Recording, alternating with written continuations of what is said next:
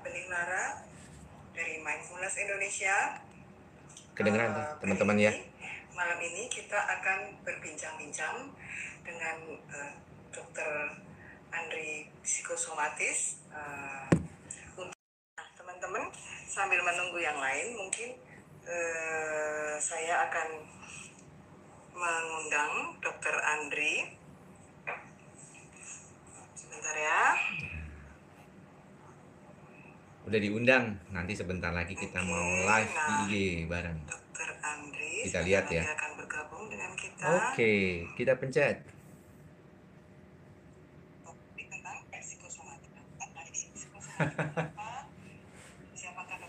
Halo. Silakan, teman-teman. Halo, halo selamat malam. Malam. Apa kabar? Wah, luar biasa. Ramadan. Iya, iya, iya. Gimana? Wah, udah mulai banyak yang bergabung ya. Iya, sudah mungkin udah nunggu-nunggu dong. Oh, Eh, jadi tadi saya benerin dulu nih belum, sedikit. Belum, belum hmm? banyak belum banyak kenalin sih. Mungkin nanti dokter bisa langsung aja Ya, eh, untuk apa perkenalan sama eh, sedikit penjelasan dari tentang apa apa sih Mm. psikosomatik itu saya, saya pikir teman-teman juga banyak yang belum tahu nih dok monggo dok silahkan dok ya sebenarnya kalau berbicara tentang psikosomatik itu secara psikologis gitu. Jadi biasanya kondisi yang berkaitan dengan masalah fisik ini kalau orang yang sudah mengalami masalah psikologis yang panjang biasanya itu ada gejala-gejalanya bisa gejala psikologis, ada gejala fisik. Nah, ternyata di dalam beberapa penelitian, terus sebenarnya udah lama nih karena istilah psikosomatik sendiri itu sudah sejak dari tahun 1930-an ya sudah ada. Bahkan jurnalnya tahun 1934 Academy eh, sorry dulu tuh orang sudah mulai menyadari bahwa ada beberapa orang yang mengalami gejala-gejala fisik itu bisa eh, dikaitkan karena masalah psikologisnya. Gitu. oke dok jadi eh, nah dia tuh jadi eh, psikosomatik tuh ada. Pertama yang dia derita adalah dia mengalami gangguan psikis ya gangguan psikis tuh Hmm. misalnya seperti apa ya apakah depresi atau apakah stres berat selama bertahun-tahun atau seperti apa dok Tidak selalu sih, ada beberapa masalah yang berkaitan dengan masalah psikosomatik ini, misalnya cemas sampai harus lebih depas daripada itu. Ada yang sangat ringan dulu awalnya. Jadi gejalanya itu baru mulai terjadi di awal-awal eh, pertama. Makanya kenapa kalau saya bilang orang yang mengalami psikosomatik itu ada yang gejalanya tuh sifatnya baru awal doang. Misalnya kondisi yang berkaitan dengan kehidupannya sehari-hari kayak gitu atau misalnya dia mau ke panggung gitu ya terus demam panggung nah dia jadi gejala psikosomatik itu sebenarnya juga gejala psikosomatik itu gejala-gejala seperti itu jadi nah dok ada misalnya begini Hmm. dok Hmm. ya ya mungkin dia nggak depresi atau stres tapi dia mudah mudah untuk panik atau mudah untuk eh, khawatir. Hmm, dan ini eh, eh, akhirnya meng- berefek pada sakit fisiknya dia. Mungkin dia mudah terkena mah atau apa itu termasuk tanda-tanda juga nggak dok? Nah, kalau dulu memang eh, istilah di zaman waktu tahun 1970-an ya, waktu itu Franz Alexander yang menyebab apa yang men- mengemukakan lah istilahnya pertama kali teori psikosomatik itu ada tujuh gejala psikosomatik yang paling sering dialami. Yang salah satunya adalah eh, gangguan lambung. Jadi masalah psikosomatik. Kalau orang yang mengalami gangguan lambung, kemudian juga ada gejala nyeri, Kemudian dulu tuh tahun-tahun 1970-an tuh asma bronkiale ya, asma itu masih dianggap sebagai gangguan psikosomatik.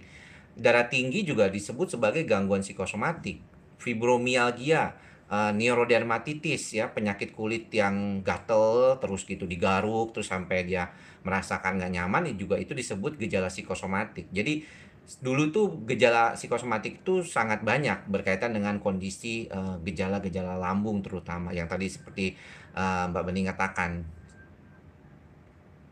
Eh, nah berarti sebenarnya gejala-gejala seperti ini akrab dengan kita ya dok ya kayak misalnya eh, apa eh, pas saya terkena sakit asam lambung misalnya itu eh, kemungkinan pada waktu itu saya juga mengalami beban yang eh, apa stres yang lebih tinggi gitu ya dok ya Waktu nah tapi kenapa Hmm. akhir ini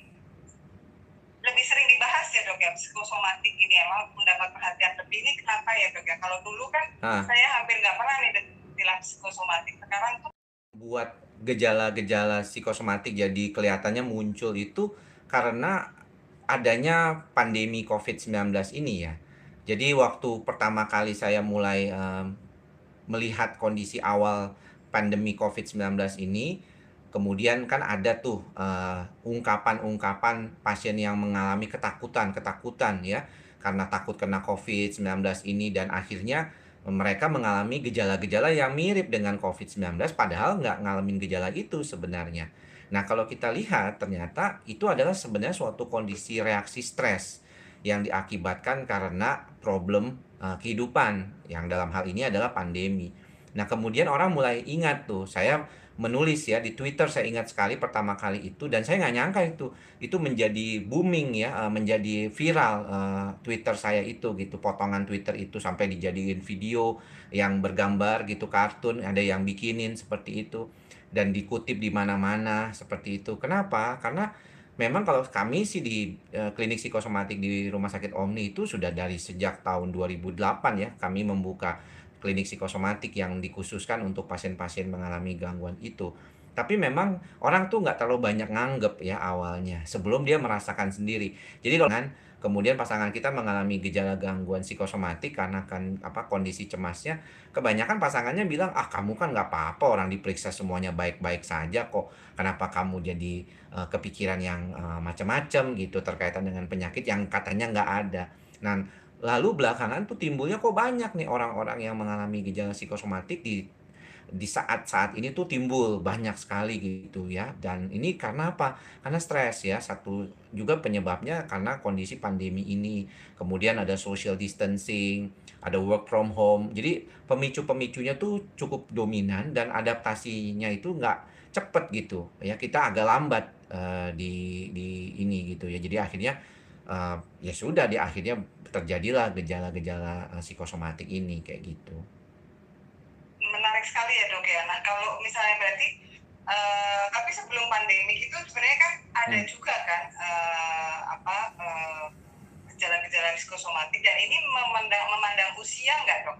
Misalnya apakah eh, usia-usia tertentu yang Hmm. rentan kena psikomatik atau psikosomatik atau apakah Uh, anak remaja atau eh, yang sudah lanjut usia pun hmm, itu berkaitan dengan uh, usia terkenanya. Jadi waktu sekitaran 12 tahun yang lalu saat saya mulai uh, aktif di kedokteran jiwa khususnya di bidang psikosomatik, itu pasien-pasien yang datang ke saya itu rata-rata di atas usia 35 tahun, bahkan sudah di atas 40 tahun. Jadi mereka itu uh, lebih banyak dominan gejalanya itu dikaitkan karena stres pekerjaan, stres kantor gitu ya. Jadi stres pekerjaan, stres kantor, kemudian jadilah gejalanya. Makanya kalau dulu itu kok pasiennya usianya 40-an gitu ya, di orang menengah atas gitu katanya. Nah, lalu kemari lima tahun belakangan ini ya, eh, sejak kita melihat kondisi gangguan psikosomatik ini secara lebih luas lagi, banyak malah anak-anak muda sekarang yang lebih dikaitkan dengan eh, generasi milenial yang mengalami gangguan psikosomatik ini. Jadi sekarang pasien saya usianya udah ada yang 20-an, bahkan ada yang 18 tahun gitu kan. Dengan latar belakang pendidikan yang luar biasa bagus ya. Maksudnya mereka bukan orang-orang yang nggak nggak ngapa-ngapain gitu, tapi malah sebenarnya memang kalau kita lihat orang-orang yang lebih perfeksionis, yang lebih bun- punya banyak keinginan dia lebih mudah mengalami eh, psikosomatik kayak gitu.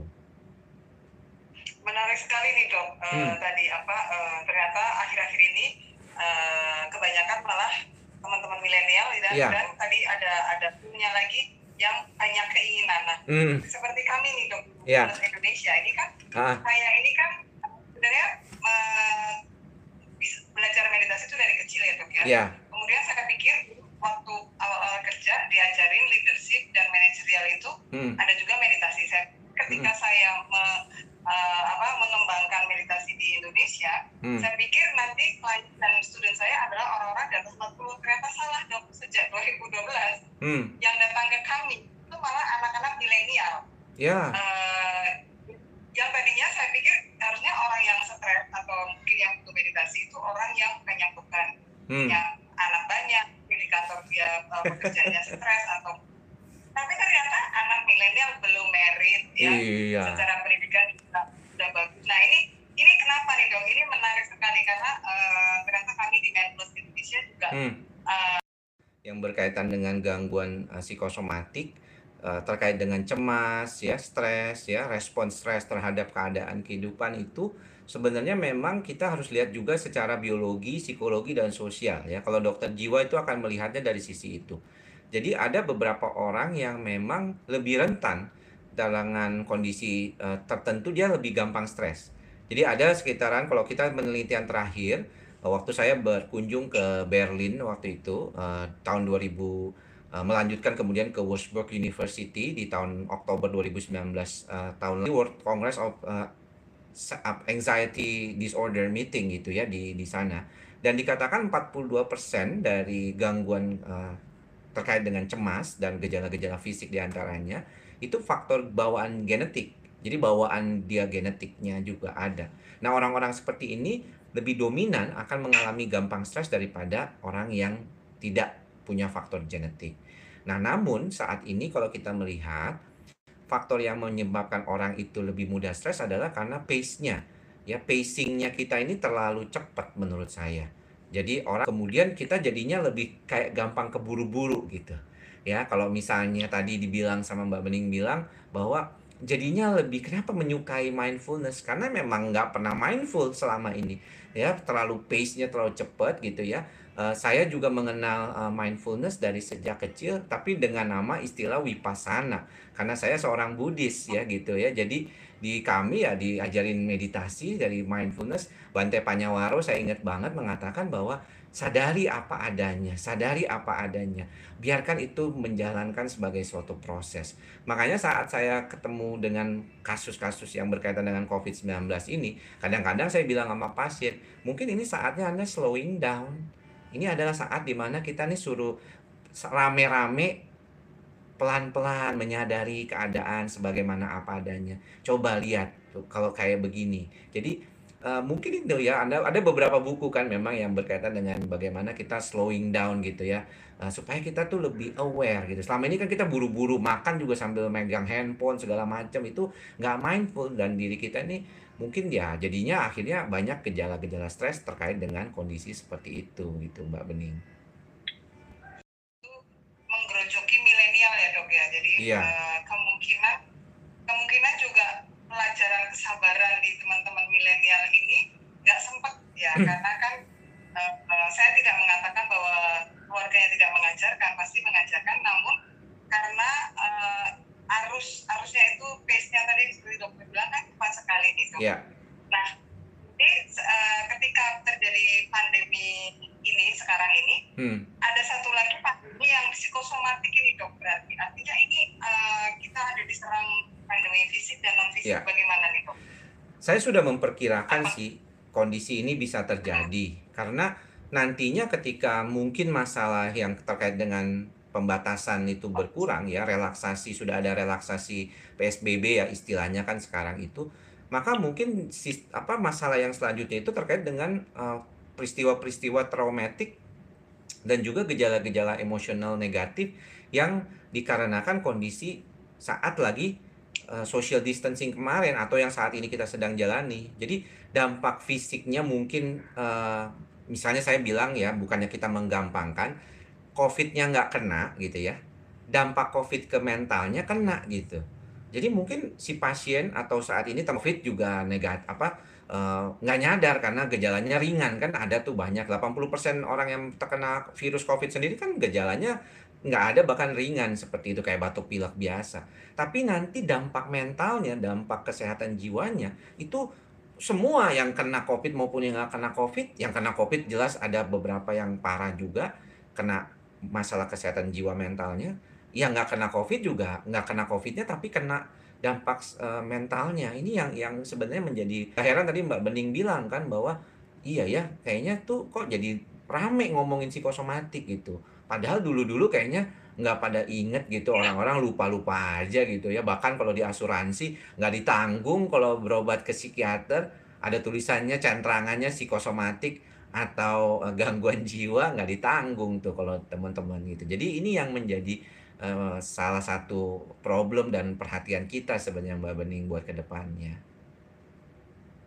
Ya setuju dok karena memang uh, ketika tahun 2011 saya mulai menuliskan ini hanya untuk uh, soft skill leadership atau Ya. yang di apa kontak kantor itu. Tapi ternyata Hmm. eh, lima tahun setelah itu ya lima sampai tujuh tahun setelah itu kami di Mindfulness Indonesia sampai kewalahan eh, menangani apa case-case yang berhubungan dengan mental health yang yang mungkin orang nggak kepikir bahwa kayak suicidal case anak remaja Ya. terus khawatir yang bukan anak SMP padahal Hmm. juga semuanya serba cukup ini eh, case-case yang dulu tidak terbayangkan dok jadi setuju nanti setelah pandemi ini dan seterusnya itu Kewalahan bakalan tuh teman-teman.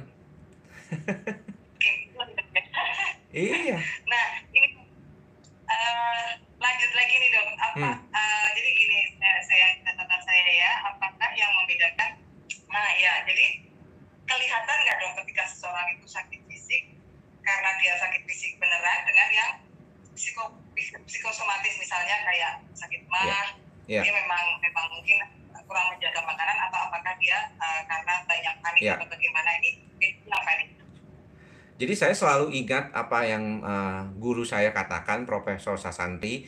Beliau mengatakan bahwa kalau kita berbicara tentang masalah kesehatan jiwa, gangguan kejiwaan, kita harus ingat dulu yang namanya biological priority and psychological supremacy. Maksudnya apa? Maksudnya adalah sebagai seorang dokter, kita perlu tahu dulu bahwa apakah ada sesuatu masalah terkait dengan fisik orang tersebut. Jadi itulah yang membedakan kami mungkin dengan teman-teman psikolog yang bukan seorang dokter latar belakangnya. Jadi kami selalu akan melihat dulu secara fisik. Jadi pasien-pasien yang mengalami gangguan psikosomatik yang datang ke dokter jiwa, mereka akan dilihat dulu secara fisiknya. Kalau misalnya keluhannya di jantung, keluhannya di nyeri, keluhannya di lambung, maka kita akan mencoba lihat menelusuri. Kalau di dalam ilmu kedokteran ada yang namanya fisiologi gitu ya, patofisiologi atau perjalanan penyakit sesuai nggak sih sama perjalanan penyakitnya. Nah, sayang apa sayangnya kadang-kadang si pasien ini sudah diedukasi ya. Kemudian bahkan kita sudah minta tolong dengan teman-teman sejawat lain atau bahkan si pasien sendiri sudah pernah do, apa datang ke dokter ahli jantung, gastrologi. Nah, mereka sudah dikatakan nggak ada masalah, tapi masih merasa kok sakit ya gimana nih dok seperti ini. Nah, ini sebenarnya salah satu belum tentu dok orang ini punya biaya untuk datang ke spesialis-spesialis yang uh, untuk memeriksa yang semuanya yang mahal-mahal itu. Gimana deh dok cara untuk kami di daerah biasanya waktu kami latihan di daerah menentukan ini gejala gangguan psikosomatik nih ini bukan. Yang saya bilang gini, pertama adalah kalian kan dokter nih, kalian udah tahu kan bahwa ada patofisiologi, ada perjalanan penyakit. So, yang paling penting harus diperhatikan adalah apakah perjalanan penyakitnya sesuai dengan gejalanya saat ini. Yang kedua, biasanya orang psikosomatik itu gejalanya hilang timbul. Ya, gejalanya hilang timbul. Kemudian juga biasanya itu nggak sesuai kadang-kadang sekarang di sini gejalanya sekarang nanti di sana. Terus kemudian pengobatan-pengobatan dasar biasanya nggak terlalu. Contoh gangguan lambung. Pasien yang psikosomatik yang lambungnya dominan gejalanya sering mengalami bilang 60% dari kondisinya itu dikaitkan dengan suatu keadaan yang disebut gejala gangguan eh, lambung. Nah, tapi 60% lambung ini sebenarnya dispepsia fungsional. Jadi kalau di endoskopi pun nggak ada apa-apanya. Semuanya baik-baik saja. Ya, 20% di antaranya GERD, ya sisanya itu barulah ada gangguan misalnya tumor. Jarang lah kanker lambung mah jarang lah, nggak perlu khawatir seperti itu. Namun yang perlu kita lihat, kalau saya bilang ke teman-teman dokter umum, pasien-pasien psikosomatik itu biasanya kadang-kadang berlebihan di dalam menanggapi gejala-gejalanya tersebut. Jadi lebih heboh gitu ngadepin gejala-gejalanya sampai dia ketakutan yang luar biasa. Kecemasannya melebihi daripada kesakitannya sendiri.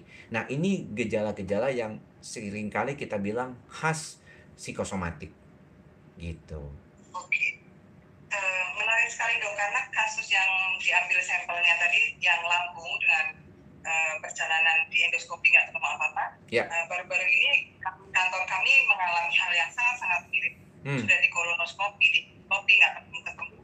Nah, eh, itu sama dokter seperti yang dokter sampaikan bahwa dia lebay dalam me- menanggapi gejala-gejala ya. Ya. Jadi ketika dia dapat obat, dia baca nih, dia googling sendiri anak milenial. Nah, Jadi jadi anak dia googling sendiri ternyata loh kok kok obat kanker lambung dia jadi panik sendiri. Nah, iya. eh, nah ini seperti apa ya dok ya? Karena eh, kondisi seperti panik ini real ya buat dia ya.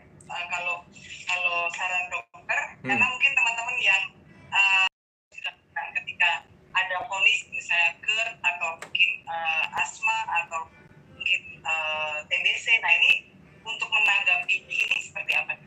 Kalau penyakit-penyakit yang sifatnya memang ada masalah bakterial ataupun infeksi virus misalnya seperti tadi Mbak Bening katakan TBC ya tentu harus diperbaiki lah TBC-nya. Itu satu hal yang penting. Tapi kalau misalnya yang sifatnya fungsional seperti misalnya yang paling sering kan lambung ya. Saya itu melihat dari 2015 tuh saya fokus ke psikosomatik lambung ya. Saya fokus ke sana, saya bertemu dengan eh, teman sekaligus sejawat saya Profesor Dr. Arif Arial. Ya beliau ini adalah seorang eh, teman diskusi saya gitu ya eh, terkait dengan masalah-masalah lambung. Beliau adalah seorang ahli gastroenterologi sekarang beliau dekan FKUI Eh, itu sangat sering kita berdiskusi dan eh, ketemu di berbagai eh, kondisi dikaitkan dengan tukar menukar pasien kadang-kadang ya untuk saling konsul dan beliau memang katakan hampir lebih dari 60% sebenarnya masalahnya lebih karena gangguan fungsional. Artinya kalau makannya cukup, bagus, kemudian dia sudah bisa lebih mengatasi gejalanya dengan obat-obatan yang standar, harusnya sudah baik. Jadi kalau misalnya nggak baik, itu kebanyakan masalah yang berkaitan dengan stres. Dan kemarin saya dengar juga adik kelas saya, Dr. Kakak Renaldi ya, seorang ahli gastroenterologi juga di salah satu rumah sakit swasta di Jakarta. Beliau bilang tuh di IG live-nya bersama Dr. Tompi bilang kalau misalnya berkaitan dengan uh, psikosomatik GERD itu kalau sulit tuh paling susah diobatinnya. Karena sering kali mereka tuh ketakutan dan cemasnya yang lebih dominan gitu. Makin takut, eh makin penasaran, cari-carilah di Google begitu. Makanya saya pernah juga tuh nulis stop googling gitu ya, saya bilang atau di YouTube saya juga bilang stop googling karena semakin googling itu semakin menurut saya uh, orang tuh perlu tahu edukasi dari first hand gitu dari tangan pertama. Kalau kami yang biasa berhadapan dengan kasus-kasus begini mengedukasi teman-teman, saya berharap teman-teman di YouTube channel saya maupun di IG saya itu memahami, oh ini tuh ternyata psikosomatik gitu ya. Jadi kita nggak perlu terlalu over worried gitu. Nah mungkin kita perlu membantu diri kita untuk lebih mindful gitu ya, lebih aware. Ini belakangan juga saya ngomongin ke teman-teman tentang mindfulness ya. Cuman kadang-kadang ngomongnya enak tapi susah dilaksanakan katanya. Ini kayak apa sih gitu? Uh, padahal ada beberapa perkataan saya bilang oke okay, mana apa adanya. Ini juga kadang-kadang mungkin kita memerlukan gitu ya bantuan teman-teman dari mindfulness Indonesia untuk juga sering mengedukasi ya terkait dengan mindfulness ini gitu mbak. Senang senang sekali dan menarik dok. Memang kalau mindfulness itu sepertinya mudah diucapkan uh, dan mudah dilakukan tapi saking mudahnya jadi dok ya hmm. uh, orang miss untuk mengatakan apa uh, sering tidak tidak aware bahwa di situ ada solusi. Iya. Nah ini yang pertanyaan kami yang ketiga ini, Hmm. kalau menurut dok Andri nih bagaimana mindfulness dan meditasi itu bisa membantu mengatasi psikosomatik nih dokter dari kacamata. Jadi kalau menurut saya eh, ini kalau kita bicara tentang masalah psikologi, mudah-mudahan teman-teman ada juga yang ikut bergabung nih teman-teman psikolog ya. Eh, dulu tuh waktu zaman awal-awal tahun 2000-an sampai 2010 lah kira-kira yang eh, Mbak Bening ya. eh, psikiatri itu akrab dengan istilah cognitive behavior therapy, ya terapi kognitif dan perilaku, CBT istilahnya gitu ya. Dan itu salah satu terapi yang cukup ngetren lah katanya karena banyak berkaitan dengan bagaimana terapi depresi kemudian ini. Nah belakangan eh, Mbak Bening eh, itu di sekitaran sekitar lima tahun belakangan ini sampai 8 tahun belakangan ini itu saya melihat kita melihat bahwa mindfulness itu menjadi lebih dominan. Awalnya itu kalau di Amerika memang di- digerakkan oleh teman-teman yang menyukai eh, Dalai Lama. Nah, teman-teman yang menyukai Dalai Lama ini kebetulan Dalai Lama dengan teknik-teknik meditasinya itu datang, kemudian ada penelitian-penelitian eh, dari Rinpoche ya. Jadi eh, banyak eh, penelitian-penelitian menggunakan brain ya, MRI brain yang melihat bahwa bagaimana seorang eh, Tibet uh, Buddhism yang meditation itu kok bisa tahan terhadap dingin dan cuaca yang cukup ekstrim gitu ya yang uh, kandungan O2-nya rendah seperti itu dan mereka melihat ternyata uh, fMRI functional MRI pada pasien-pasien eh sorry pada uh, te, apa namanya meditator seperti itu itu berbeda dengan orang-orang yang awam gitu ya lebih lebih kalem gitu di amigdalanya.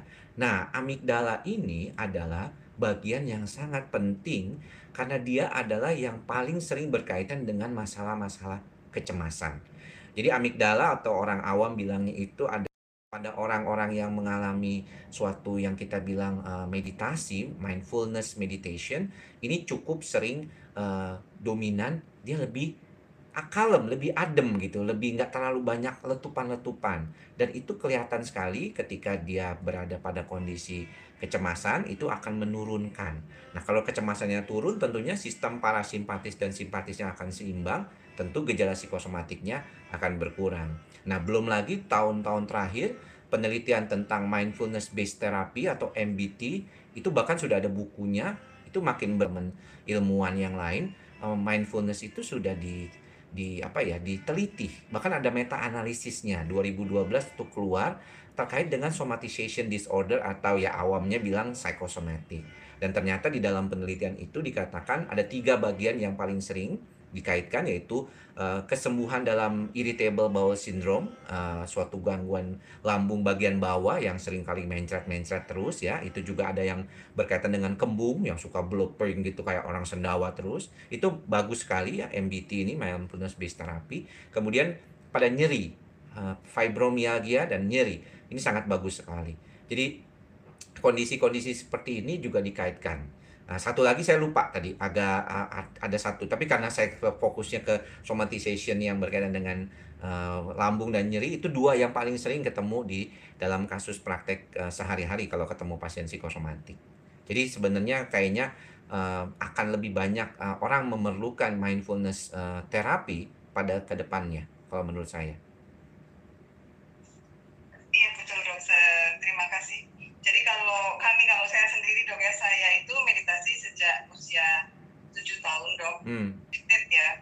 Yeah. Kemudian e, melakukan penelitian sendiri karena sebenarnya basicnya saya engineer. Hmm. E, kemudian ketika saya diperlukan, saya hadir, kemudian saya riset, saya menulis, mengobserv, e, sampai akhirnya membuat kurikulum dan mendirikan institusi itu karena uh, permintaan masyarakat. Artinya yeah. uh, kalau dokter tadi dari sisi research ya, hmm. uh, apa sains dan risetnya, kalau saya itu dari sisi di lapangannya nih dok. Jadi hmm. ketika orang datang uh, yang sakit fisik mendampingi mereka supaya lebih tenang gitu kan setelah yeah. setelah mendapatkan tindakan seperti itu. Uh, memang jadi seperti tadi dokter bilang kan bahwa ketika apa meditasi bisa membuat lebih tenang lebih nah artinya ketenangan ini lah yang diperlukan uh, teman-teman yang mengalami gangguan psikosomatik itu ya dok ya? Iya. Begitu dia sudah berhasil mendapatkan titik guna ketenangan dia seperti apa iya. mungkin dia akan lebih mudah begitu dok. Karena pada dasarnya Tapi ini juga nggak semudah kata-kata ya dok karena saya beberapa klien juga yang panik paniknya luar hmm. biasa memang harus ya. step by step benar betul. Nggak bisa instan ya? Karena kalau misalnya untuk tahapan awal misalnya uh, mindfulness terapi gitu. Kan pada pasien suka tanya gitu ya. Tahapan awalnya kan saya bilang nggak usah yang susah-susah dulu deh. Saya bilang anda coba belajar kalau di bahasa Inggris itu solitude ya. Artinya hanya berdiam diri duduk aja ya. Menikmati atau melihat kondisi sekeliling menyadari apa adanya sekeliling. Kalau di Jerman dibilangnya gestalt gitu ya. Jadi dia bilang itu apa adanya aja gitu secara umum sekeliling itu apa. Dan kemudian itu aja ada beberapa yang mengalami ketakutan karena kalau yang cemasnya sangat itu kadang-kadang mereka mengalami ketakutan. Jadi kok jadi malah nggak enak? Kemudian belum masuk ke yang melihat napas sendiri atau memperhatikan napas sendiri. Ada beberapa pasien yang mengalami gangguan psikosomatik kadang-kadang malah memicu serangan panik. Jadi dia malah saking uh, merhatiin jadi ketakutan gitu. Jadi konsentrasinya belum bisa tenang Nah, itulah mengapa pada kasus-kasus yang berat, eh, saya sebagai dokter memang membantu eh, pasien dengan pengobatan. Ya, dengan pengobatan tujuannya adalah untuk membuat sistem saraf pusatnya menjadi lebih tenang dulu sehingga di saat itulah dia mulai bisa. Jadi artinya nanti pengobatan dulu masuk, kemudian sudah lebih tenang, amigdalanya nggak terlalu aktif selalu, kemudian dia baru bisa belajar sedikit demi sedikit terkait dengan uh, meditasi ataupun mindfulnessnya. Kadang-kadang ketika dia belajar meditasi awal itu yang napasnya keluar masuk aja dia langsung, uh, kok nggak enak ya rasanya kayak mau mau putus atau mau sesek malah jadi kayak panik attack apa panik attack kayak kecekek. Nah itu kadang-kadang karena dia malah jadi uh, memicu kan kalau kita bicara tentang pernapasan misalnya sebagai salah satu teknik awal ya dari dari mindfulness misalnya dia uh, hari kan juga being mindful itu kan jalan makan semuanya juga kan kita lakukan dengan kesadaran dengan penuh uh, kesadaran. Itu menurut saya juga kalau Bante saya pernah bilang ya ke, ke saya itu bagian dari, dari mindful kan.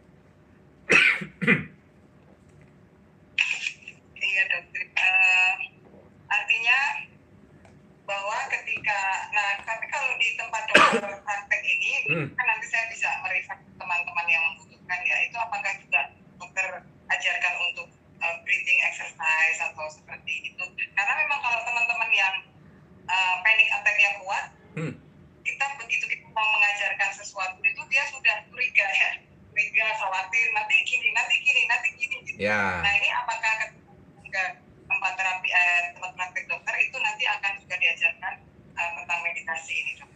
Tergantung, tergantung ya. Uh, saya kira yang perlu perlu teman-teman mungkin juga uh, yang mendengarkan ini yang perlu diketahui adalah sebenarnya walaupun tadi saya bilang base saya seorang Buddhis uh, mempelajari mindfulness meditation sebagaimana vipassana meditation itu dari kecil, tapi sebenarnya tidak tidak ter, terbatas pada agama tertentu. Ya mindfulness itu tidak terbatas pada agama tertentu. Apalagi sekarang banyak dilakukan dan dipelajari bahkan kalau kita berbicara tentang salah satu modul uh, dari pen apa namanya terapi yang namanya DBT dialectical behavior therapy itu salah satunya adalah mindfulness ya. Kalau teman-teman yang mengalami borderline personality disorder atau gangguan kepribadian ambang, anak-anak muda perempuan yang suka self harm itu kan banyak tuh yang mengalami borderline personality disorder. Salah satunya adalah bagaimana dia belajar mindfulness, bagaimana dia mengenali perasaan dan pikirannya sendiri. Jadi sebenarnya kalau menurut saya asalkan si pasien ini sudah mulai bisa merasakan perasaannya sendiri, pikirannya sendiri, dia bisa mengendalikan bukan yang dia dikontrol oleh perasaannya itu, maka dia sudah mulai bisa belajar atau dia belajar mindfulness untuk mengendalikan dan mengontrol pikiran tersebut. Karena ini yang sering kali susah. Ya, pikiran itu kadang-kadang sangat uh, liar memang. Kan memang seperti kuda liar kalau diumpamakan. Monyet itu ya, monkey mind katanya. Jadi kalau menurut saya ya penting uh, kalau yang berat tentunya analoginya bagus banget nih dok bahwa pikiran dan emosi kita seperti kuda liar. Artinya hmm. kalau kita menaiki kuda liar, kita nggak tahu kuda itu mau ke mana, kita nggak bisa nanya, Hai kuda kamu mau ke mana gitu kan. Nah kita lah yang ngasih tahu kudanya, Hai yeah. kita mau ke Surabaya gitu kan. kalau kita nanya sama kudanya, kudanya pertama nggak jawab, dia juga juga sudah dia.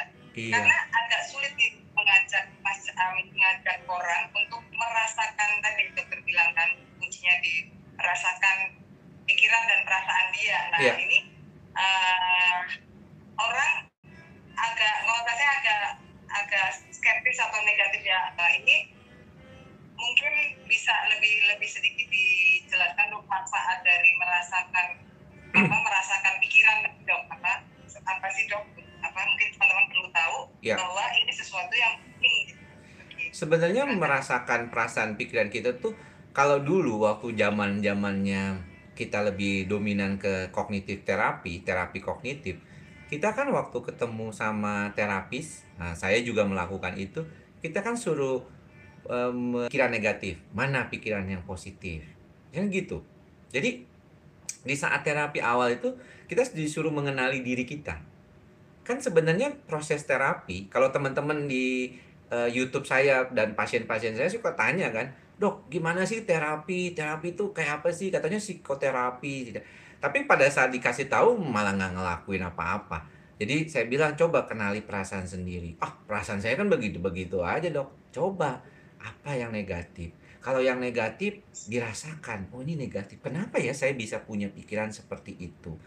Ya, gelembung-gelembung itu kan jelas ada dari mana. Nah, ketika kita lebih mindful dengan keadaan kita, saya ingat apa yang dikatakan guru-guru saya juga eh, guru-guru meditasi misalnya adalah mengatakan bahwa kita itu bisa bijaksana hanya dari memperhatikan saja ya kan kita memperhatikan nih oh ini biji salak gitu oh biji salak bentuknya kayak begini ya ada ada ada yang warnanya coklat, ada yang warnanya agak-agak kuning nih berarti masih muda. Kenapa dia begini? Itu kan kita bisa mendapatkan suatu kebijaksanaan, artinya ilmu gitu dari sesuatu itu. Nah, makanya itulah penting.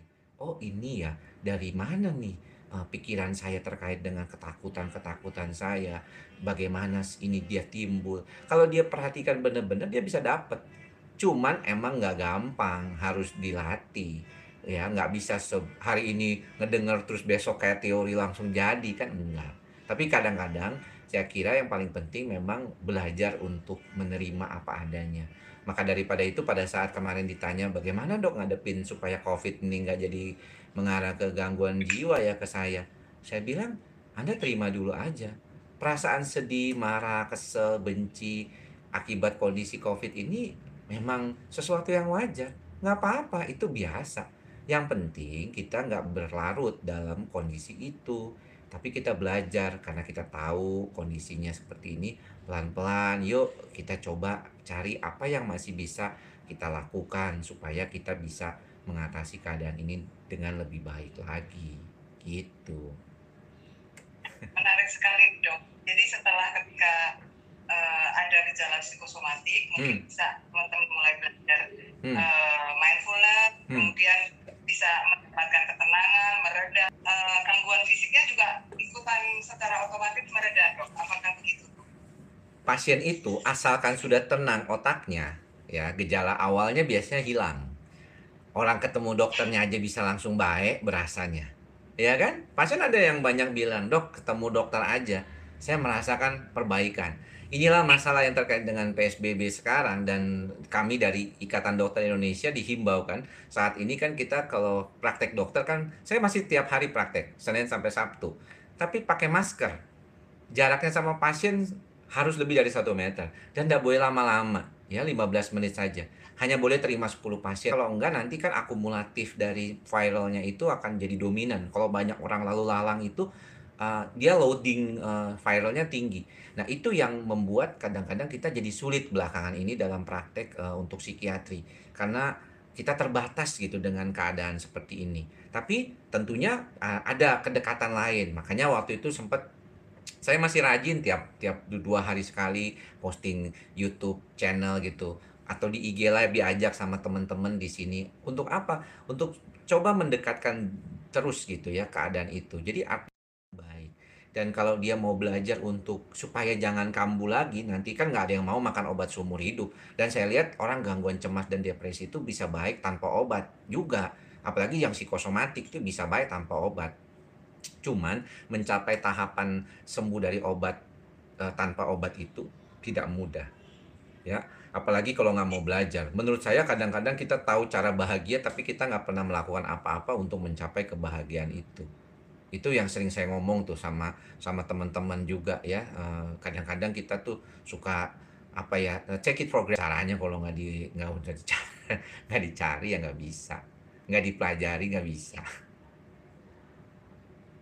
Uh, nah ini kesentil sedikit soal bahagia ini dok. Hmm. soalnya menjadi isu kayaknya penting tapi hanya dipikirkan aja. Hmm. kayaknya gue kalau ini gue kalau nggak liburan nggak bahagia nih. Gue hmm. kalau kerja melulu gue kalau ngadepin ini tambah stres nih nah uh, ini mungkin justru di di zaman yang serba cepat ini hmm. ide bahagia itu mengganggu menurut saya gimana dok kalau menurut dokter Andi uh, ide itulah yang yeah. membuat orang jadi yeah. jadi pengen uh, kalau aku belum hmm.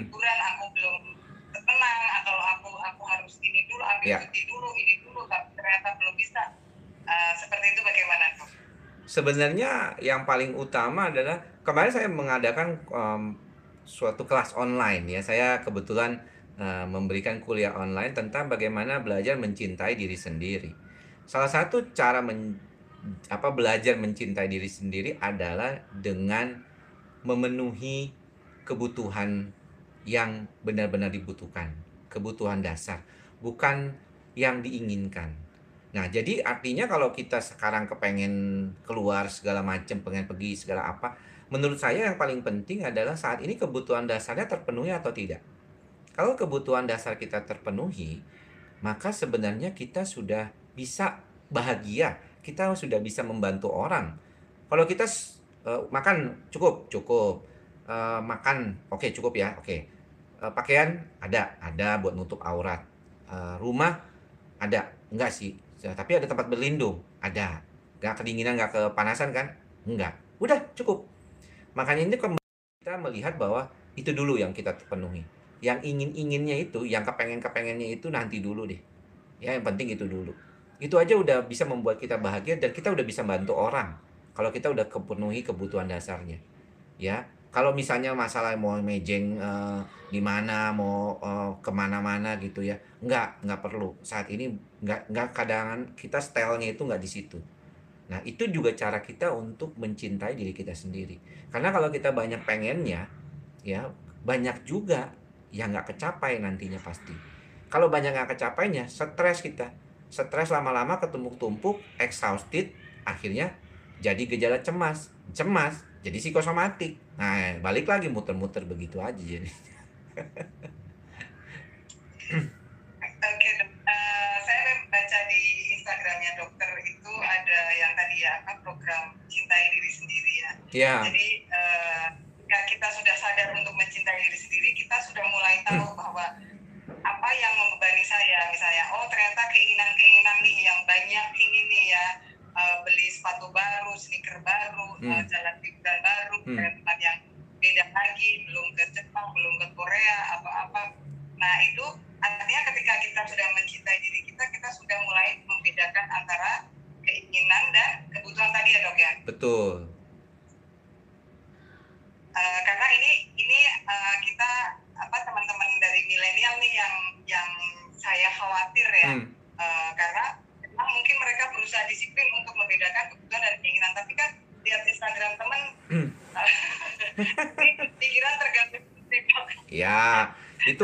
Memang satu hal yang nggak bisa di apa ya sekarang kan kalau dulu kan kita paling cuma bisa ngelihat tetangga gitu ya saya lahir jadi saya ngelihatnya waktu itu ya cuman kalau misalnya tetangga ada beli barang atau apa kalau mereka diantar barang ya kita baru lihat kan kalau sekarang kan kita bisa ngelihat orang dari mana? Dari Instagram. Dan salah satunya Instagram itu kadang-kadang bisa jadi sumber penderitaan juga. Karena sebenarnya kan itu selektif kan yang dipilih. Masa iya sih semuanya mau diposting ya kan? Yang pasti yang cakep-cakep gitu eh, fotonya gitu ya. Atau yang bagus-bagus. Jadi nggak usah kita. Dan itu juga sebenarnya cara belajar untuk uh, mindful kan. Artinya kalau kita memang punya kemampuan seperti Sebenarnya kalau kita cukup sederhana, saya suka bilang ke teman-teman eh, pemirsa YouTube saya atau pasien-pasien saya, coba belajar untuk sederhana, ya belajar untuk sederhana. Makanya saya itu melihat misalnya kalau toko-toko panutan saya misalnya yang saya eh, di dalam kaos saya ini misalnya ada Gus Dur, eh, kemudian ada Cak Nun kayak gitu ya. Eh, itu orang-orang yang menurut saya tuh sudah cukup gitu, orang yang sudah cukup dengan dirinya kalau dia sudah cukup dengan dirinya, dia nggak terlalu peduli apa kata orang. Dia merasa cukup kok. Kata orang, eh kamu tuh kurang kayaknya harusnya kamu bisa loh lebih tinggi lagi gitu.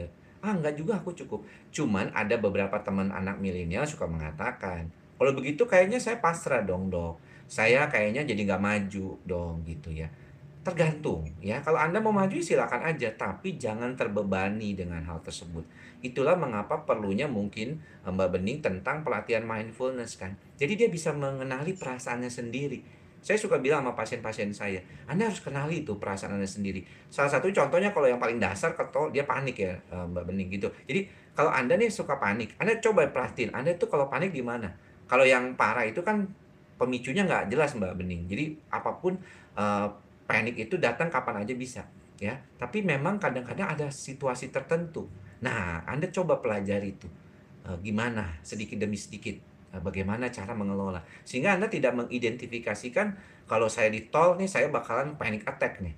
Kalau saya lagi di sini nih saya begini nih. Nah, ini yang paling penting jangan sampai kondisi kondisi seperti ini mempengaruhi kita. Jadi kembali jangan kita yang mengen, uh, jangan kita yang dikendalikan sama pikiran dan perasaan kita tapi kita yang mengendalikan pikiran dan perasaan itu dan mungkin saya kira terapi mindfulness salah satu yang bisa dibagi perasaan dan pikiran kita serta perilaku kita tentunya.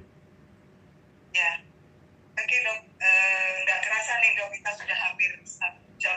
Oh iya ya. Uh, menarik banget. Saya nggak ada ya, jam sih. Saya nggak pakai jam nih. Saya yang ngikutin flow aja deh. Ya karena sebenarnya saya pengen banyak ngobrol banget sama dokter nih. Kan kita dibatasi sama Instagram satu jam. Nah Ya. ini boleh nggak dokter standing yang jelas ya dok ya? Hmm. Andri Hmm. terus kalau kalau misalnya teman-teman mau sedang merasakan gejala kayak gini kan biasanya nggak pede takut Ya. mau ke mana nah apa sih apa saja sih program-programnya dan bagaimana cara menemukan para ahli ini untuk membantu Ya, kalau saya sih suka bilang orang itu nggak selalu punya akses mudah untuk datang ke profesional kesehatan jiwa ya. Eh, stigma, kemudian juga larangan dari keluarga kadang-kadang. Udah lu jangan ke dokter jiwa nanti dikira gila yang istilahnya gila itu cuma satu persen aja dari pasien-pasien gangguan kejiwaan ya begitu. Tapi saya kira cari informasi saat ini banyak sekali eh, informasi-informasi berkaitan dengan eh, masalah-masalah kesehatan jiwa. Uh, YouTube channel saya di Andri Psikosomatik juga menyediakan hal tersebut. Saya bahkan bilang sama teman-teman ataupun para subscriber saya bilang ini mudah-mudahan bisa menjadi satu bantuan alat terapi ya, Uh, walaupun nggak secara ilmiah, tapi uh, apa yang kita bicarakan setiap hari kadang-kadang membantu untuk menyadari. Ujung-ujungnya kan menyadari keadaan, ya artinya belajar untuk menyadari keadaan tersebut. Dan buat teman-teman, saya kira belajar untuk uh, mindful itu boleh mulai dilakukan ya pelan-pelan. Uh, ada banyak guiding ya. Saya kira mudah-mudahan teman-teman dari Mindfulness Indonesia juga uh, mau berbagi mungkin di Instagramnya untuk bisa follow ya Instagramnya Mindfulness Indonesia kan silakan uh, yang uh, follow saya juga bisa follow uh, Mindfulness Indonesia untuk mendapatkan informasi terkait itu. Dan saya kira harus diperhatikan bahwa masalah-masalah kecemasan psikosomatik itu bukan selalu harus dengan pengobatan dengan obat. Ya obat itu bisa ngebantu ya. Saya di psikosomatik saya di Rumah Sakit Omni itu banyak menemui kasus-kasus yang sudah berat ya. Saya kira jangan sampai berat baru berobat sih, tapi kalau bisa memang coba belajar mengenali diri sendiri. Kalau udah mulai ada berasa cemas, tidak bisa dikendalikan dengan situasi tertentu, nggak bisa sendiri, coba cari bantuan. Dari yang tadi belajar untuk mindfulness, belajar meditasi, belajar untuk mengenali perasaan dan diri sendiri, itu yang bisa dibantu. Dan saya kira itu sesuatu yang baik. Baru nanti kalau nggak bisa dibantu parah, nah baru datang ke dokter jiwa. Eh, jangan takut karena sekarang BPJS pun menanggung untuk datang ke psikiater gitu. Oh sekarang bisa BPJS ya dok ya Bisa, BPJS bisa. Walaupun tidak semua rumah sakit saya saya tidak menerima misalnya BPJS, tapi kalau beberapa eh, rumah sakit umum daerah di semua daerah di- ada BPJS gitu. Oke dok, terima Hmm. kasih dokter Ya. Andri. Kita Ya. sudah hampir punya. Eh, nah teman-teman tadi sudah banyak dapat eh, informasi dari dokter Andri.